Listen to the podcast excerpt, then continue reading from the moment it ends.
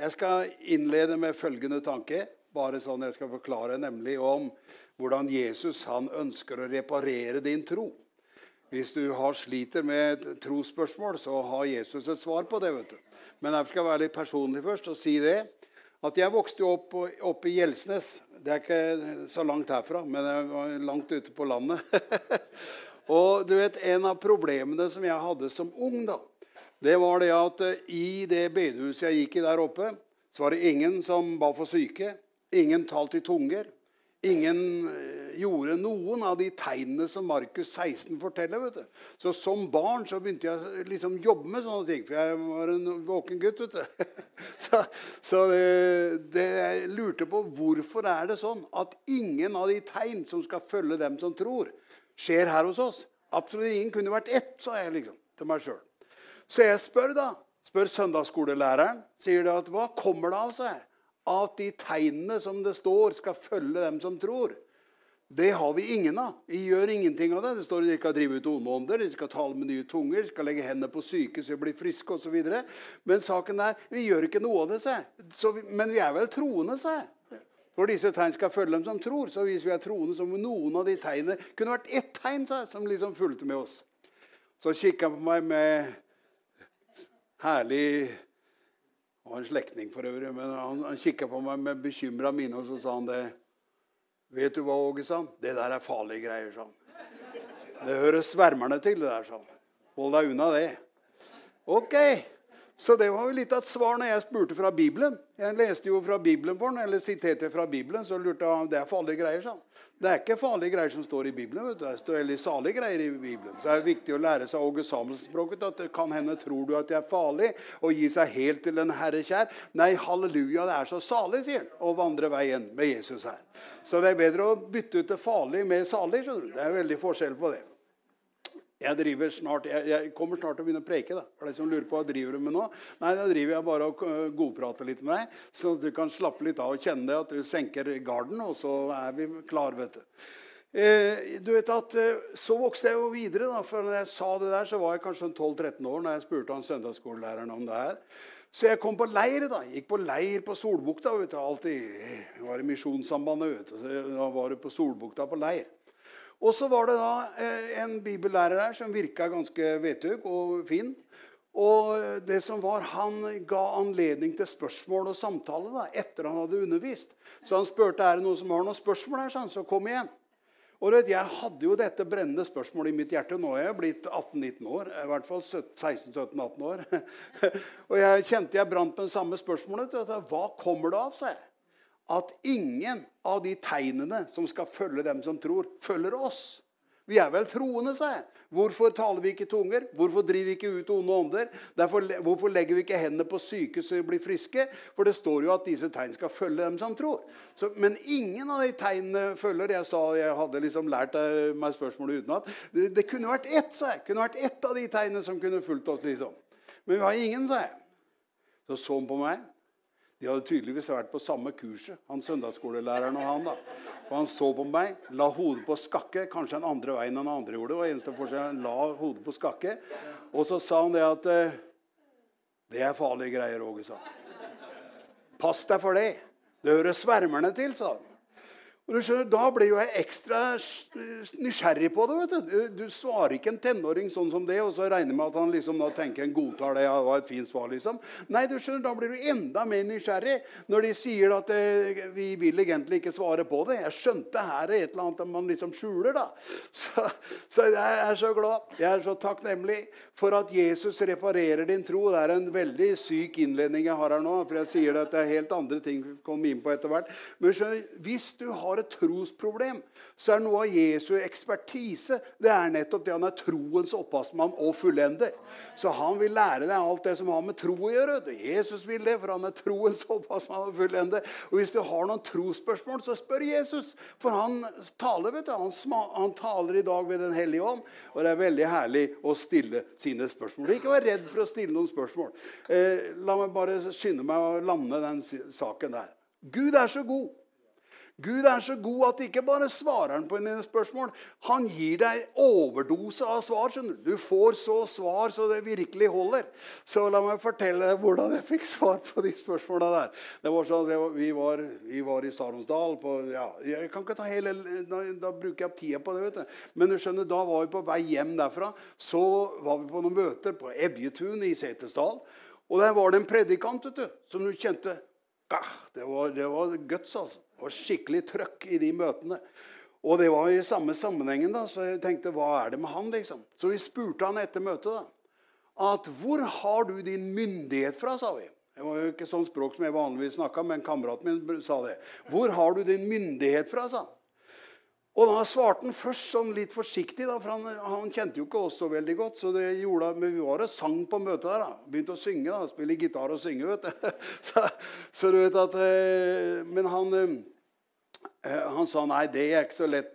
Du, du, du tar deg ikke til det altså, det sjøl, sa han. Myndigheten, det, det, kommer fra Gud. Det er Gud som gir deg det. vet du, sa han. Men jeg skjønte han skjuler noe. Han har noe mer å si. Så det som er fint, vet du, at neste morgen så kommer han ned i teltleiren, for vi var i sånn teltleir. Og så sa han nå skal jeg synge en sang for dere. han. Tok en gitaren vet du, som vi hadde brukt i når vi sang. Så sang han denne nydelige sangen som sier 'Hvor den kommer til', brenner pinsens ild. Sjeler får hva Jesus lovet gi. Kraften alle får, det, som det skrevet står, når Den hellige ånden på dem faller. Og så kom et av versene som mange ynder møter, men forkaster ånd og ild. Nådegaver er en saga blått. Mener at det hele hører fordums dager til. Derfor ånden aldri på dem faller. Men hvor den kommer til, brenner pinsens ild. Og så videre sånn. Og, og, du skjønner, fine er at eh, sangen, Jeg kan ikke synge hele sangen for deg. vet du. Jeg har ikke sunget det i hele tatt, forresten. Jeg bare sitert sangen. Men eh, det er sånn at eh, som i fordums dager, Herren er den samme igjen. Virker ved sin gode Hellige Ånd. Nådegaver gives, syke helbred får igjen. Sjeler frelses der hvor ånden faller. For hvor den kommer til, brenner pinsens ild. Og jeg vet at her kommer pinsens til. Jeg vet at du er veldig åpen for akkurat det. Men jeg skal si det at jeg er så glad og takknemlig for Gud at derfor visste jeg plutselig hva, hva det het for noe. Det het uh, det som pinsevennene kaller for åndens dåp. Og det var én ting. Det andre var det at uh, det, det, det, går an å få tak på det. liksom. Det er sånn at Han hadde opplevd så Han fortalte mer om det. da, at det, Når dere lurer på hvorfor jeg har sånn myndighet i møte, sånn, så er noe av hemmeligheten er det, vet du, at jeg bruker hele ettermiddagen på å gå og ta litt tunger for meg sjøl oppe i skogen. her, sånn. Lader opp meg sjøl og er klar. Så når dere merka det var litt guts i møtet, så er det fordi jeg er fylt opp. Så jeg er bygd opp av meg sjøl, eller blitt bygd opp i, på, som du sa, den som taler med tunger, oppbygger seg sjøl. Hør her. Nå skal jeg begynne å preke.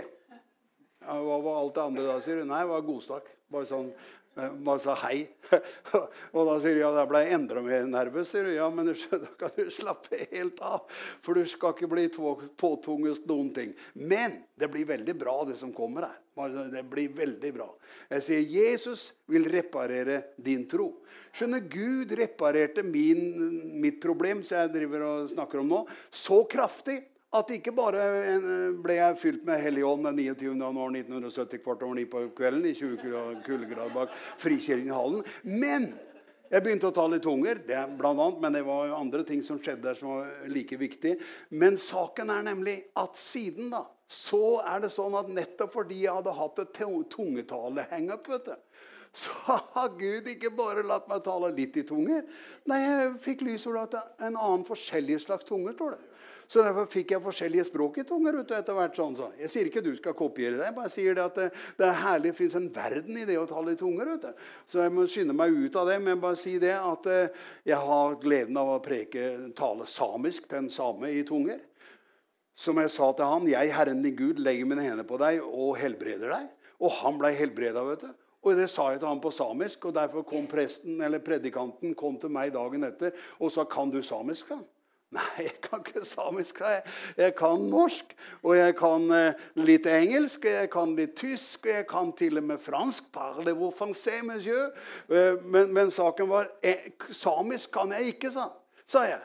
Ja, men saken er at samen lurer på, for vi har en same i forsamlingen her som lurer veldig på. For når du ba for syke i går kveld, så sier du til han på klingende samisk 'Jeg, Herren din Gud, legger mine hender på deg og helbreder deg'.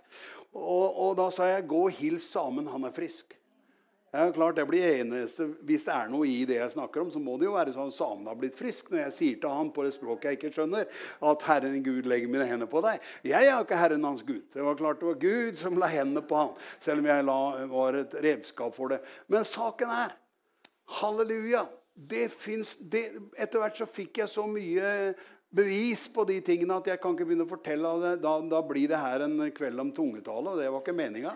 Men du snakka litt om det sånn i begynnelsen, så du fikk, du fikk vann på mølla likevel.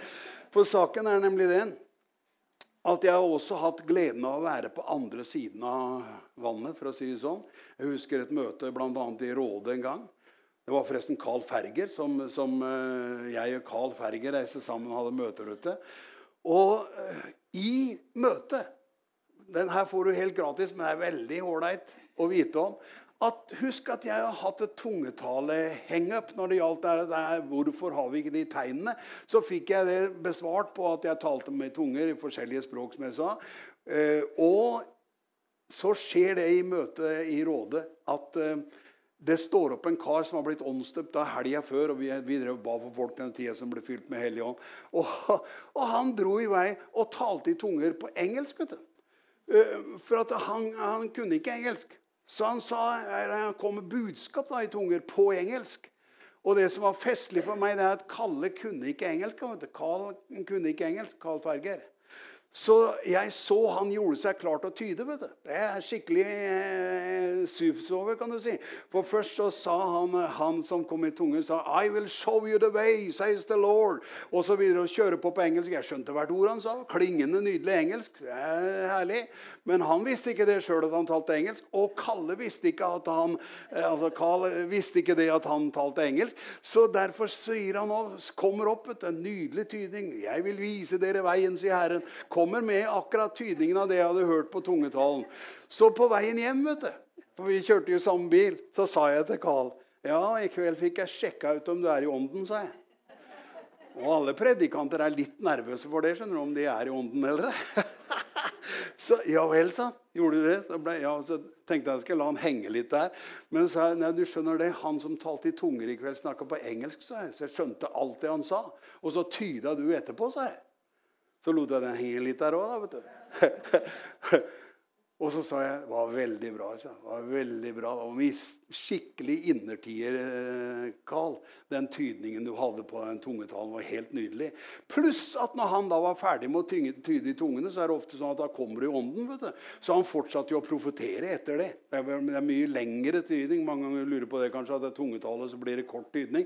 Ja, men du skjønner det, Da kommer du i ånden. vet Du Du blir brakt inn i ånden når du taler i tunger og profeterer. Og du tyder tydning av tunger og Eh, profetisk tale ligger helt i grenseland med hverandre. ikke sant? Det står at den som taler profetisk, er større enn han som taler med, med, tunger. Hvis han da ikke tyder det, står det. Så tunger pluss tydning skjønner du, er på vei inn i den profetiske dimensjonen. Nå må jeg passe meg her, så jeg ikke blir en bibeltime om alt det der. Så ok, jeg er kurert for min trosproblematikk når det gjelder det spørsmålet med tungetale. Og skal vi se på Jesus, for du skjønner det som er interessant. Nå er jeg tilbake til det jeg skal snakke om. Jesus vet du, han eh, er her på jorda, går til korset, dør, står opp igjen fra de døde. Og så blir han her i 50 dager, eller 40 dager, før han reiser opp på det som vi feirer som Kristi himmelfartsdag. Og så kommer pinse da, ti dager etter der. Og hør her, I den 40-dagersperioden vet du, så er Jesus fortsatt blant disiplene osv. Så sånn. Men han er annerledes enn han var før. Han går ikke rundt og bare har møter sånn som han hadde før. Han, er, han bruker tiden til å reparere deres tro. For alle sammen har fått seg en knekk skjønner du, når det gjelder troen. I forbindelse med at Jesus døde og gikk i graven, og så, videre, sånn, så trenger de virkelig å skjønne at nå har Jesus stått opp fra de døde. Det er klart, Vi har ikke noe å bygge på hvis ikke Jesus er oppstanden fra de døde. Så er vår tro ingenting. står det. Da er vi de ynkeligste av alle mennesker. Og så, sånn. så jeg skal lese litt for deg om, om det. I 1. Korinterbrev 15 så står det noe om det her. Bare så du tenker, Kommer du til å lese fra Bibelen òg? Ja, kommer til å gjøre det. Det blir i Bibelen. Veldig mye Bibel. Men 1. Korinterbrev 15 sier sier i vers ja, Vi går ned til vers 17, vi tenker. I 1. Korinterbrev 15, fra vers 17 og nedover, står det Hvis Kristus ikke er oppstått, er troen deres til ingen nytte. Dere er fortsatt i deres synder. Da er også de som er sovnet inn i Kristus, godt fortapt. Hvis det bare er i dette livet vi setter vår håp til Kristus, da er vi de ynkeligste av alle mennesker. Men nå er Kristus oppstått. Halleluja! Det var min tillegg da, som sa det. der. Nå er Kristus oppstått fra de døde, og han er blitt førstegrøden av dem som er sovnet inn. Skjønner, Hele saken løses ved at Jesus er stått opp fra de døde. Det gjør at da er vår tro noen ting. Da har vi noe. Vi, du skjønner, vi har noe sånn som Peter sa da han kom i Apostelens gjerning 3. sa han, 'Det jeg har, gir deg'. sa han. Peter hadde noe. Vet du hvorfor det? Jo, for vi har noe hvis vi er troende. Og jeg er veldig glad for å dele med deg noen tanker som gjør at du kan få reparere dine hangups når det gjelder tro. Og bare heng på, så skal du se. Jeg driver fortsatt og innleder, men jeg er liksom ferdig med den der introen som var på forhånd. Da. Den var innom tungetalesvingen. Nå er vi over i liksom undervisningen. Han vil reparere din tro. Det blir lang preken, da, sier du. Får vente og se. Vi tar ikke tida på forhånd. Det tar vi etterpå. Men jeg holder jo samtidig veldig korte prekener, da.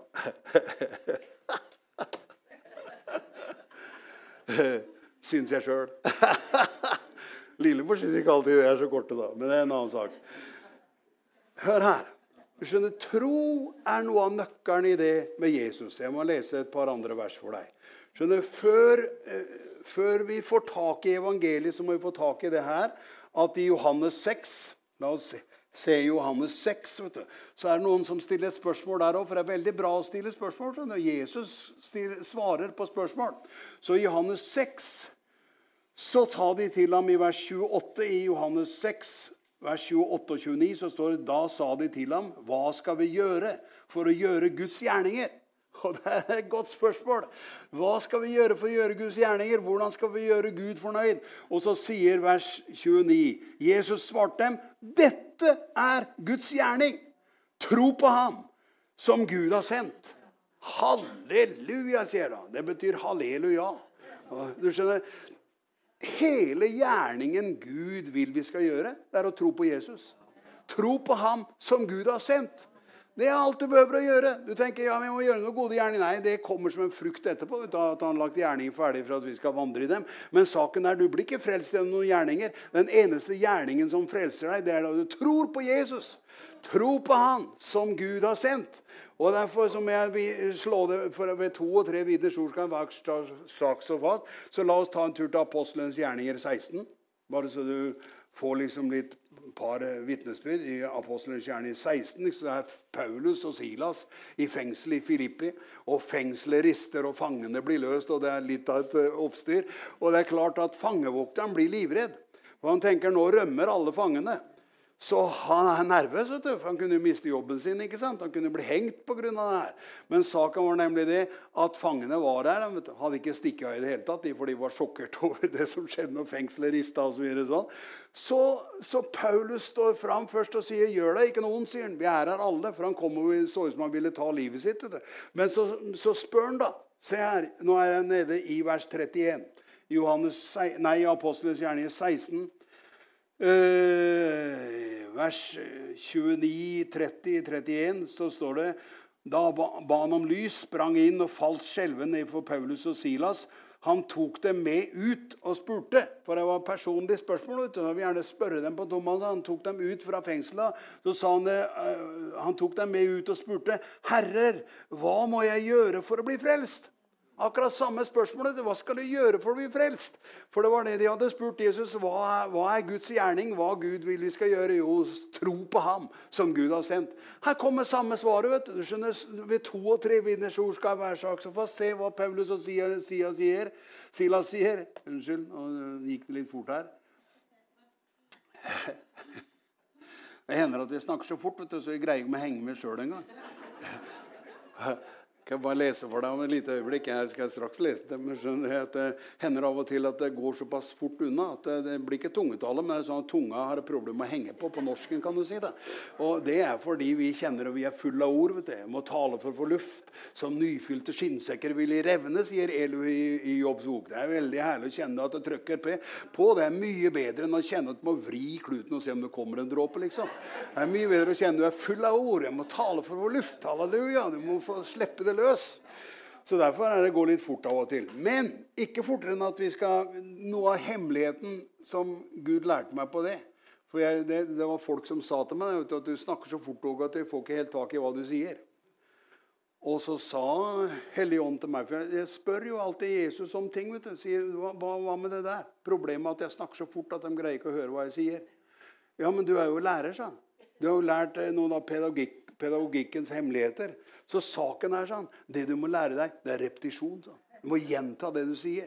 For selv om du ikke greier å få tak i det første gangen du sier det, så si det en gang til. Ta en annen sving på det. Så plutselig detter pollettene. Plutselig får de tak i hva du sier. Så la meg vise deg Apostelens gjerning 16 en gang til, og se hva det egentlig står.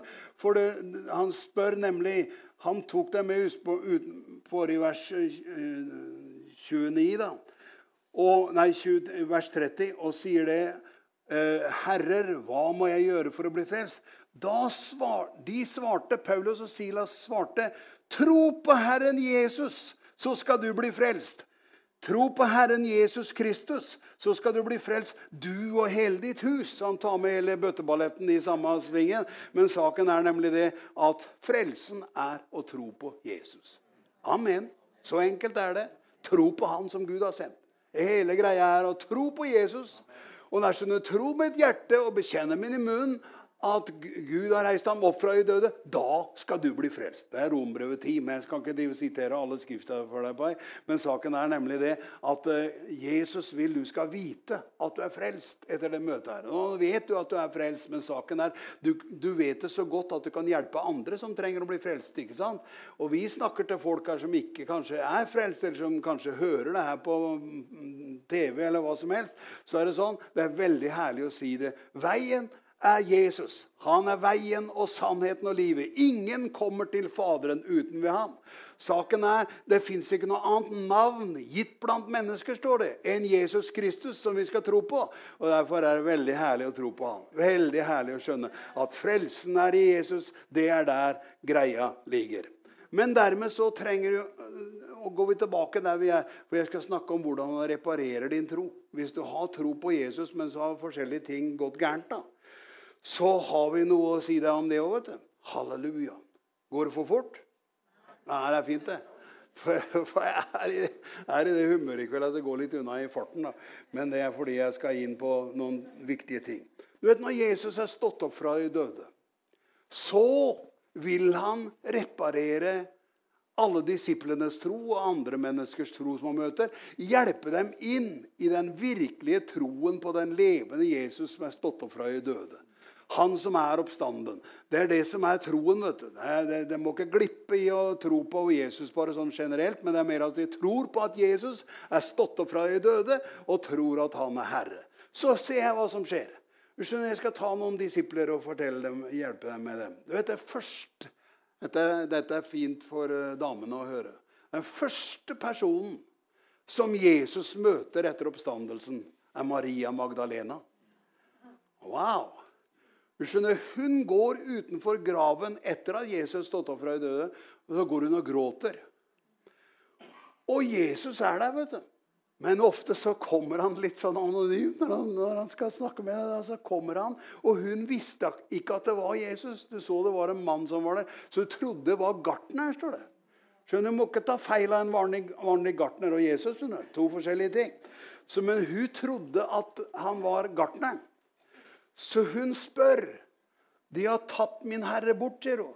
'Men jeg vet ikke hvor de har lagt ham'. Hvor har det blitt av Jesus? liksom? For Hun var nemlig oppe i graven og så. Der var ikke Jesus. Og han har stått opp fra de døde. vet du. Halleluja. Så Derfor så var det ikke noe Jesus i graven. Og hun sa at eh, 'de har tatt min herre bort', sier hun. Og, 'Men jeg vet ikke hvor de har lagt ham'. Ok, Så kommer Jesus. Det er jo han som hun snakker med og tror det er gartneren. Men så åpenbarer han seg plutselig og sier det. 'Maria', sier han. Og plutselig vet du, så skjønner hun det. Det er Jesus. Det er noe med det at han, han, sier et forløsende ord som gjør Han bare sier navnet hennes. Maria, sier han. Og plutselig så sier hun 'Rabuni', mester. Hun skjønner at Jesus er Jesus. Det er fantastisk å oppdage den oppstandende, levende Jesus. Det er det som reparerer din tro. Det er å skjønne at Jesus han lever. Ikke bare lever han, men han lever i deg. Det er fantastisk å begripe at frelsen er å tro på Jesus og å møte den oppstandende, levende Jesus. Halleluja! Jeg, ikke halleluja engang. Det er halleluja. ikke sant? Forskjell på det. vet du. Halleluja, sånn julesang halleluja. Men, men, men, men eh, halleluja med litt trøkk, det er fra hjertet. ja vel, fleiper du med hallelujaen min? sier du. Nei, jeg bare prøver å hjelpe deg til å si det på riktig måte. Halleluja. Hør her. Vi går til nestemann. For du skjønner, Maria Magdalene Magdalena hun skjønner han er oppstanden fra de døde. Og det gjør at hun springer da og blir full av begeistring og frimodighet og forteller om det siden jeg har møtt Jesus. Nå skal vi hilse på en annen som hadde trøbbel. Det var Thomas. Og det er jo morsomt at Jeg har en sønn som heter Thomas, som har tatt over i OKS. Og, så sånn. og det er klart Noen lurte på det når vi kalte Thomas Thomas. at uh, Var ikke det han som tvilte? Thomas er ikke det han tvilende Thomas? Så jeg lærte Thomas det mens han var liten gutt. Da han, når han var i barnehagen, så lærte jeg det. At husk på det hvis noen spør deg jeg, at, eh, om du er Thomas, liksom. Så husk på at du sier du er Thomas EP Åleskjær. Vil si Thomas etter pinse. EP betyr etter pinse. For etter pinse vet du, så får Thomas blitt full av tro. Da hadde han først møtt den oppstandende Jesus. skal jeg se straks om det et øyeblikk, Og så var han på pinsedagen og ble full av Den hellige ånd og kjente det var full forvandling. vet du. Det skjedde virkelig med, med Thomas. Men, så Derfor så lærte jeg Thomas at du må si du er Thomas EP Åleskjær. han var frimodig akkurat som, allerede som liten gutt. Så jeg husker Han var med lillemor da i frisersalongen. Skummelt å ta med unger i frisørsalongen. Så han var med på, på, oppe på Grorud et eller annet sted. Og så spør jo frisørdama om hun skal klippe han. da. Eh, frisørdamer er ofte hyggelige folk. vet du.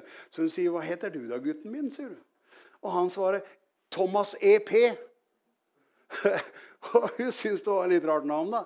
'Jeg heter Thomas EP', sånn. Ja vel, hva betyr det, da? Så? Jo, det betyr Thomas etter pinse. Og så begynner han å forklare da, om det der med forskjell på Thomas før og etter pinse. Og så videre sånn. Og du skjønner, akkurat da så tok de den der bollen ned over hodet til lillemor, så fikk ikke hørt videre hva han sa. For hun satt da med en sånn lufttørker. Hun satt i en annen stol der. Så hun vet ikke hva han sa, men hun så at hele frisørsalongen satt og lo til slutt. Og Thomas han prekte for det, da, om at Jesus lever. Halleluja for det. Hør her. Du skjønner, Et av problemene som Thomas hadde, var det han sa det sånn At uh, hvis ikke jeg kan stikke fingrene i naglegapene hans og i hans side, så vil jeg ikke tro, sa han nemlig på forhånd. Ok, Så det første Jesus da gjør, hvis du skjønner det, at Jesus vil gjerne møte deg der hvor du har et problem Han vil møte deg der hvor skoen trykker, kan du si.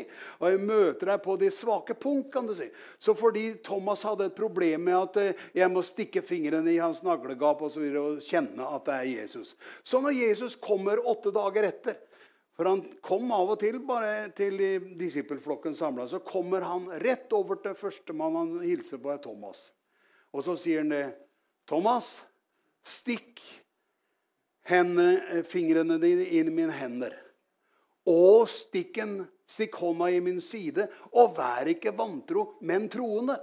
Skjønner, Thomas fikk reparert sin tro, så han sa med en gang 'Min Herre og min Gud'. sa Han Han skjønte det, at Jesus var stått opp fra de døde. Men saken er nemlig at de hendene vet du, som Jesus sier at 'se mine hender', 'se i min naglegap i min side' Saken er at de sårmerkene fra korset, de er der fremdeles. Når, er, når du møter Jesus i himmelen, så kan du snakke med han om de hendene. Og du skjønner det, det er høl etter de naglegapene eller naglemerkene som han fikk i hendene. Og det er nemlig sånn, Kenneth Hagen forteller om det. Han traff, traff, traff Jesus noen ganger oppe i saligheten. Og han sier det at jeg skjønner hva han sier når han sier 'stikk fingrene i naglegapet'. For det er høl der, sånn. Etter naglen. Det er sånn trekanta høl. Fordi de hadde sånne trekanta eh, spikere som de korsfesta med. Så jeg kunne ha stukket fingeren Jeg gjorde jo ikke det, sier Eggen, men jeg kunne. Jeg skjønner hva han sier. Stikk fingrene i naglegapene. Stikk fingrene i min side. Og vær ikke vantro. Men troende. Det går an å få reparert sin tro, folkens. Halleluja. Hvis du kjenner ja, du er, troen din er blitt så svak, og du er usikker, og er jeg frelst, og er jeg ikke frelst, osv. Så sånn. Hør her. Du skjønner, Jesus er klar. I sin oppstandende skikkelse så er han klar til å reparere din tro. Gjøre det, og gjør det. Han gjør det på et øyeblikk. Når du får se Jesus, så blir du aldri mer den samme. Og jeg tenker ikke bare å se han i et syn, eller sånn, men at du får se Jesus. Det står det at vi skal løpe i, i, det løpet som Gud har lagt foran oss, med blikket festet på han. Som er troens opphavsmann og fullender, står det i Hebreerne 12,2. Så Jesus er opphavsmann og fullender av din tro. Så det starter med Jesus, og det fortsetter med Jesus. Det fullføres med Jesus. Jesus hele veien. Halleluja. Amen begynner jeg snart å preke. Amen. Jeg like før jeg tar av her nå, men foreløpig så driver jeg bare og eh, holder andakt. da. Ja. Går det bra? veldig bra hvis det går bra. Og hvis det går eh, bra med deg, så er det kjempefint, for det går veldig bra med meg. da. Amen. Her oppe har vi det fint. Hvem, hvem viser det? Jo, Fader, Sønn og Hellig Ånd. Pluss meg. Har det fint. Jeg skal ikke fortelle noe mer om det. Jeg bare sier det at han vil møte deg på ditt ømme punkt. La oss hilse på Peter. Skjønner, Peter hadde trøbbel vet du, etter Jesu oppstandelse. For saken var nemlig at han hadde ikke bare svikta litt sånn i oppoverbakken når Jesus ble korsfesta. Han hadde banna på at de ikke kjente Jesus. Han hadde fornekta Jesus tre ganger. Og så Gol hanen du kjenner står inn fra Bibelen. og Hvis du ikke kjenner det, så begynn å lese Bibelen. så står det der. Men saken er nemlig at Peter han nekta for at han, han, han var nemlig redd inne i uh, gården før Jesus ble ført til korset. Så Jesus gikk forbi og var på vei til korset. Og, og så da drev mm, da drev de nemlig og beskyldte at han er jo en av de. Han, Peter er en av de, og han sier ja, han banna på at de ikke kjente Jesus. da. Så det er jo virkelig vantro i, i vranglås, holdt jeg på å si. Men saken er nemlig Hør her! Jesus hvor Peter får reparert sin tro, så det holder. Det er så fantastisk. Heng på. Skjønner, Saken er nemlig at når Jesus har stått opp fra de døde, så leser du i Johannes 21 og i vers 17. Kan slå for deg der, da. vet du. Har en sånn tjukk, fin bibel her, så jeg må jo bruke den. Johannes 21 står det sånn. I vers 17 så står det For Jesus spør nemlig Han er ute ved sjøen sammen med Johannes og Peter. Og de har hatt en fiskefangst og litt forskjellig, men så er saken at det ender opp med altså Han tar ettermøte på det her. Jeg må gå rett inn i ettermøtet. kan du si, men det her, han, han, sier nemlig at i vers 17 han spør ham for tredje gang. Så Han spurte tre ganger. vet du, 'Elsker du meg, Peter? Har du meg kjær?' Så han spurte ham for tredje gang. 'Simon, sønn av Jonah, har du meg kjær?' sier han. Peter ble bedrøvet fordi han for tredje gang spurte, 'Har du meg kjær?' Skjønner, Står det om det i Bibelen å bli omvendt om, om, bli bedrøvet til omvendelse. Han ble drøvet, Peter når han spurte tredje gang hvorfor det. Jo, for han visste at det var tre ganger han hadde nekta for at han trodde på Jesus. Så han spør tredje gang har du meg kjær. Og sier Peter, han sier til ham, Herre, du vet alt. Du vet at jeg har deg kjær. Så da var, da var saken landa for Peter, du, som hadde banna på at han ikke kjente Jesus. Tre ganger hadde han fornekta Jesus. Så reparerer Jesus han tre ganger og hjelper han og sier 'Før mine lam, før mine får'. Og han sier han spør en tredje gang, og når han ble bedrøvet når han tredje gang spør. Og så ser du at Jesus reparerer Peters tro på en så kraftig måte at Hør her, nå! så blir det så kraftig etter pinsedagen. Og det er fra Thomas så er det Peter EPO. Etter pinse så er det sånn at Peter har ikke bare blitt reparert ved Jesu oppstandelse. Han har også blitt reparert ved Den hellige ånds kraft som fylte hans liv på pinsedagen. Da han ble full av Den hellige ånd. Og saken er nemlig at når han preker på pinsedag, Peter er nydelig å se gutten gi gass altså, når han forkynner evangeliet. Og han sier det 'jeg har, gir deg i Jesu navn'. Stå på gå, sier han til en lamme mann. Og så, videre, sånn. og så blir det masse styr av, for den lamme mannen som har vært lam i over 40 år. Han blir helbredet ved navnet Jesus. Og det blir veldig Det tar av, kan du si. Og så preker Peter etterpå. Og i Apostelens gjerninger 3, litt lenger nede, du kommer til vers 14, tenker jeg, for du kan jo de versene utenat, så er det sånn at han preker til folkemengden og sier, 'Han som dere fornektet', sier har Gud reist opp fra de døde. Wow! Han hadde jo fornekta sjøl. Men det har han glemt. vet du.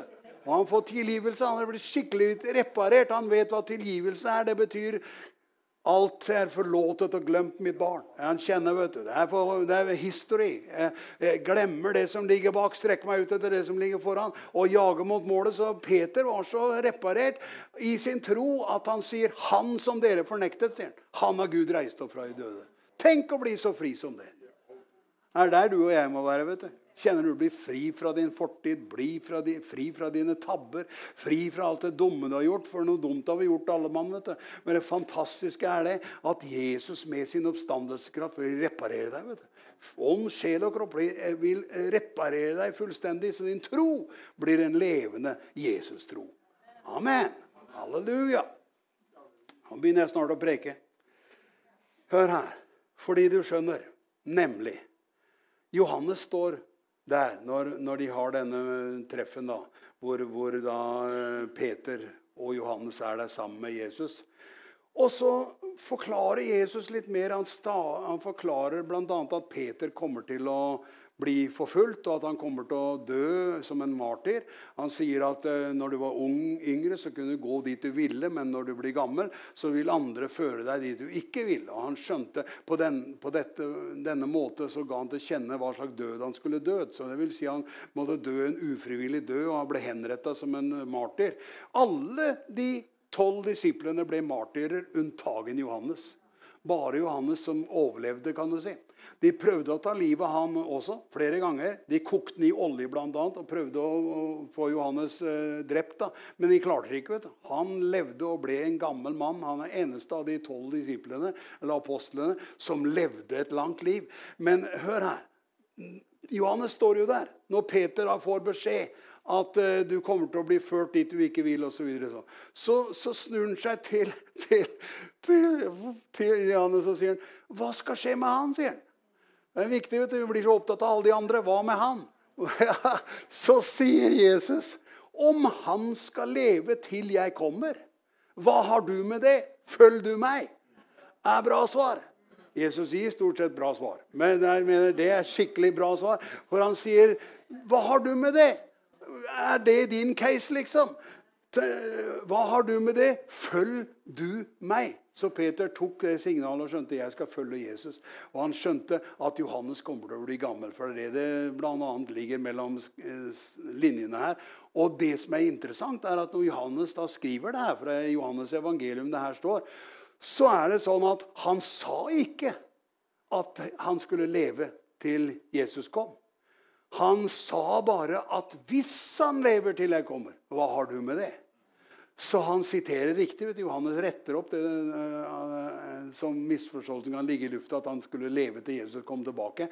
Det gjør det ikke. Da hadde jo Johannes vært der omkring nå fortsatt. Men skjønner, han reiste til himmelen til slutt. Han, han ble mye over 100 år, ble en gammel mann.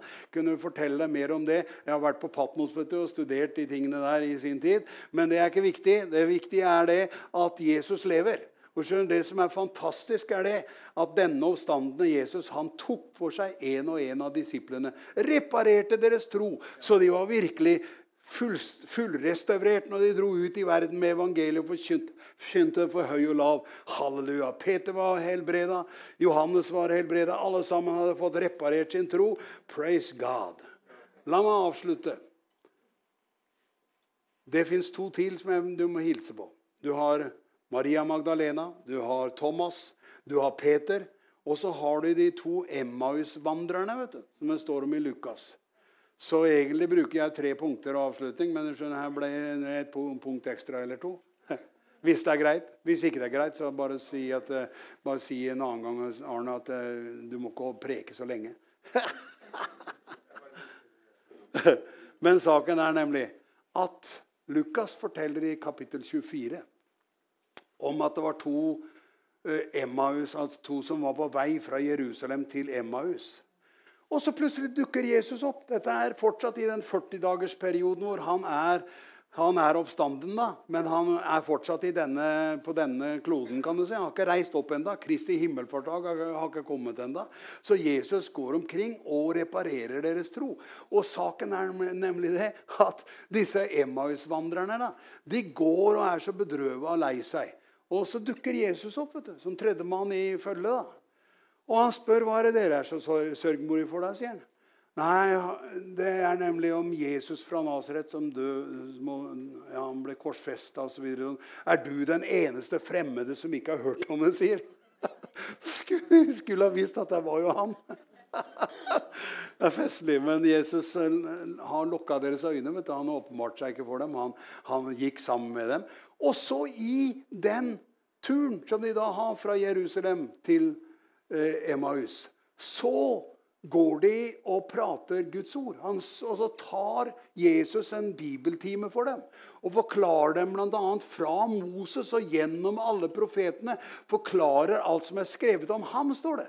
Han viser dem alt som er skrevet om Jesus opp gjennom alle bøkene i Bibelen. Og så kommer de fram da, der hvor de bor, i Emmaus. Og de vil at han skal bli med inn, for det begynner å bli kvelden. Altså, så de sier at nå, du må bli med inn. Liksom. Så blir Jesus med dem inn. da. De inviterer han inn. Men de tror fortsatt det er en uh, bibelsprengt, uh, interessant fyr som har prata med dem om, uh, vei, hele veien oppover. Og de har vel tenkt å prøve å få ham frelst, antagelig. men saken er at det er Jesus. vet du. Så når de sitter da ned og tar kveldsmaten så tar Jesus et brød og bryter det. Og plutselig så får de se at det er Jesus. De skjønner plutselig at det er Jesus. De skjønner at det er han som er stått opp fra de døde. Så du vet, det tar helt av av dem. Men saken er det interessante her. Da forsvant Jesus. ute. Det er nettopp sånn det er når du har syner og åpenbaringer av Jesus. Han ikke, bor ikke hjemme hos deg i flere uker. Det er ikke sånn at han kommer liksom og vandrer rundt i hagen din. Nei, du skjønner, Hvis du har en åpenbaring av Jesus, så når han forsvinner, så er han borte. Plutselig er han borte. vet du. Amen. Halleluja. Prøver ikke å si at du skal ha syner av Jesus. Jeg bare sier det at det er alltid sånn at når han åpenbarer seg, du, så er det sånn at vi vandrer i tro, står det, uten å se. 2. Korinter 5,7. Så skjønner Vi vandret, vi kunne ikke ha sett Jesus hele tiden på den måten at han går liksom og bor i nabolaget ditt. Nei, det er sånn at Jesus han er Jesus, og han åpenbarer seg av og til. Men det er alltid ved Den hellige ånd så ser vi Herrens herlighet står det, som et speil og en gåte, og blir forvandlet til det samme bildet som av Herrens ånd. Så vi ser han jo. Vi ser, eh, mens vi ser på Jesus, står det, vi ser han jo, men med vårt indre øye. Vi ser han med vår troens øye. og det er det som er fantastisk. Nå skal jeg snart lande. Har ikke drikke vann engang. Det går unna, vet du. Hvis du vil, så kan du smile til sidemannen din og si at 'nå må du følge godt med'.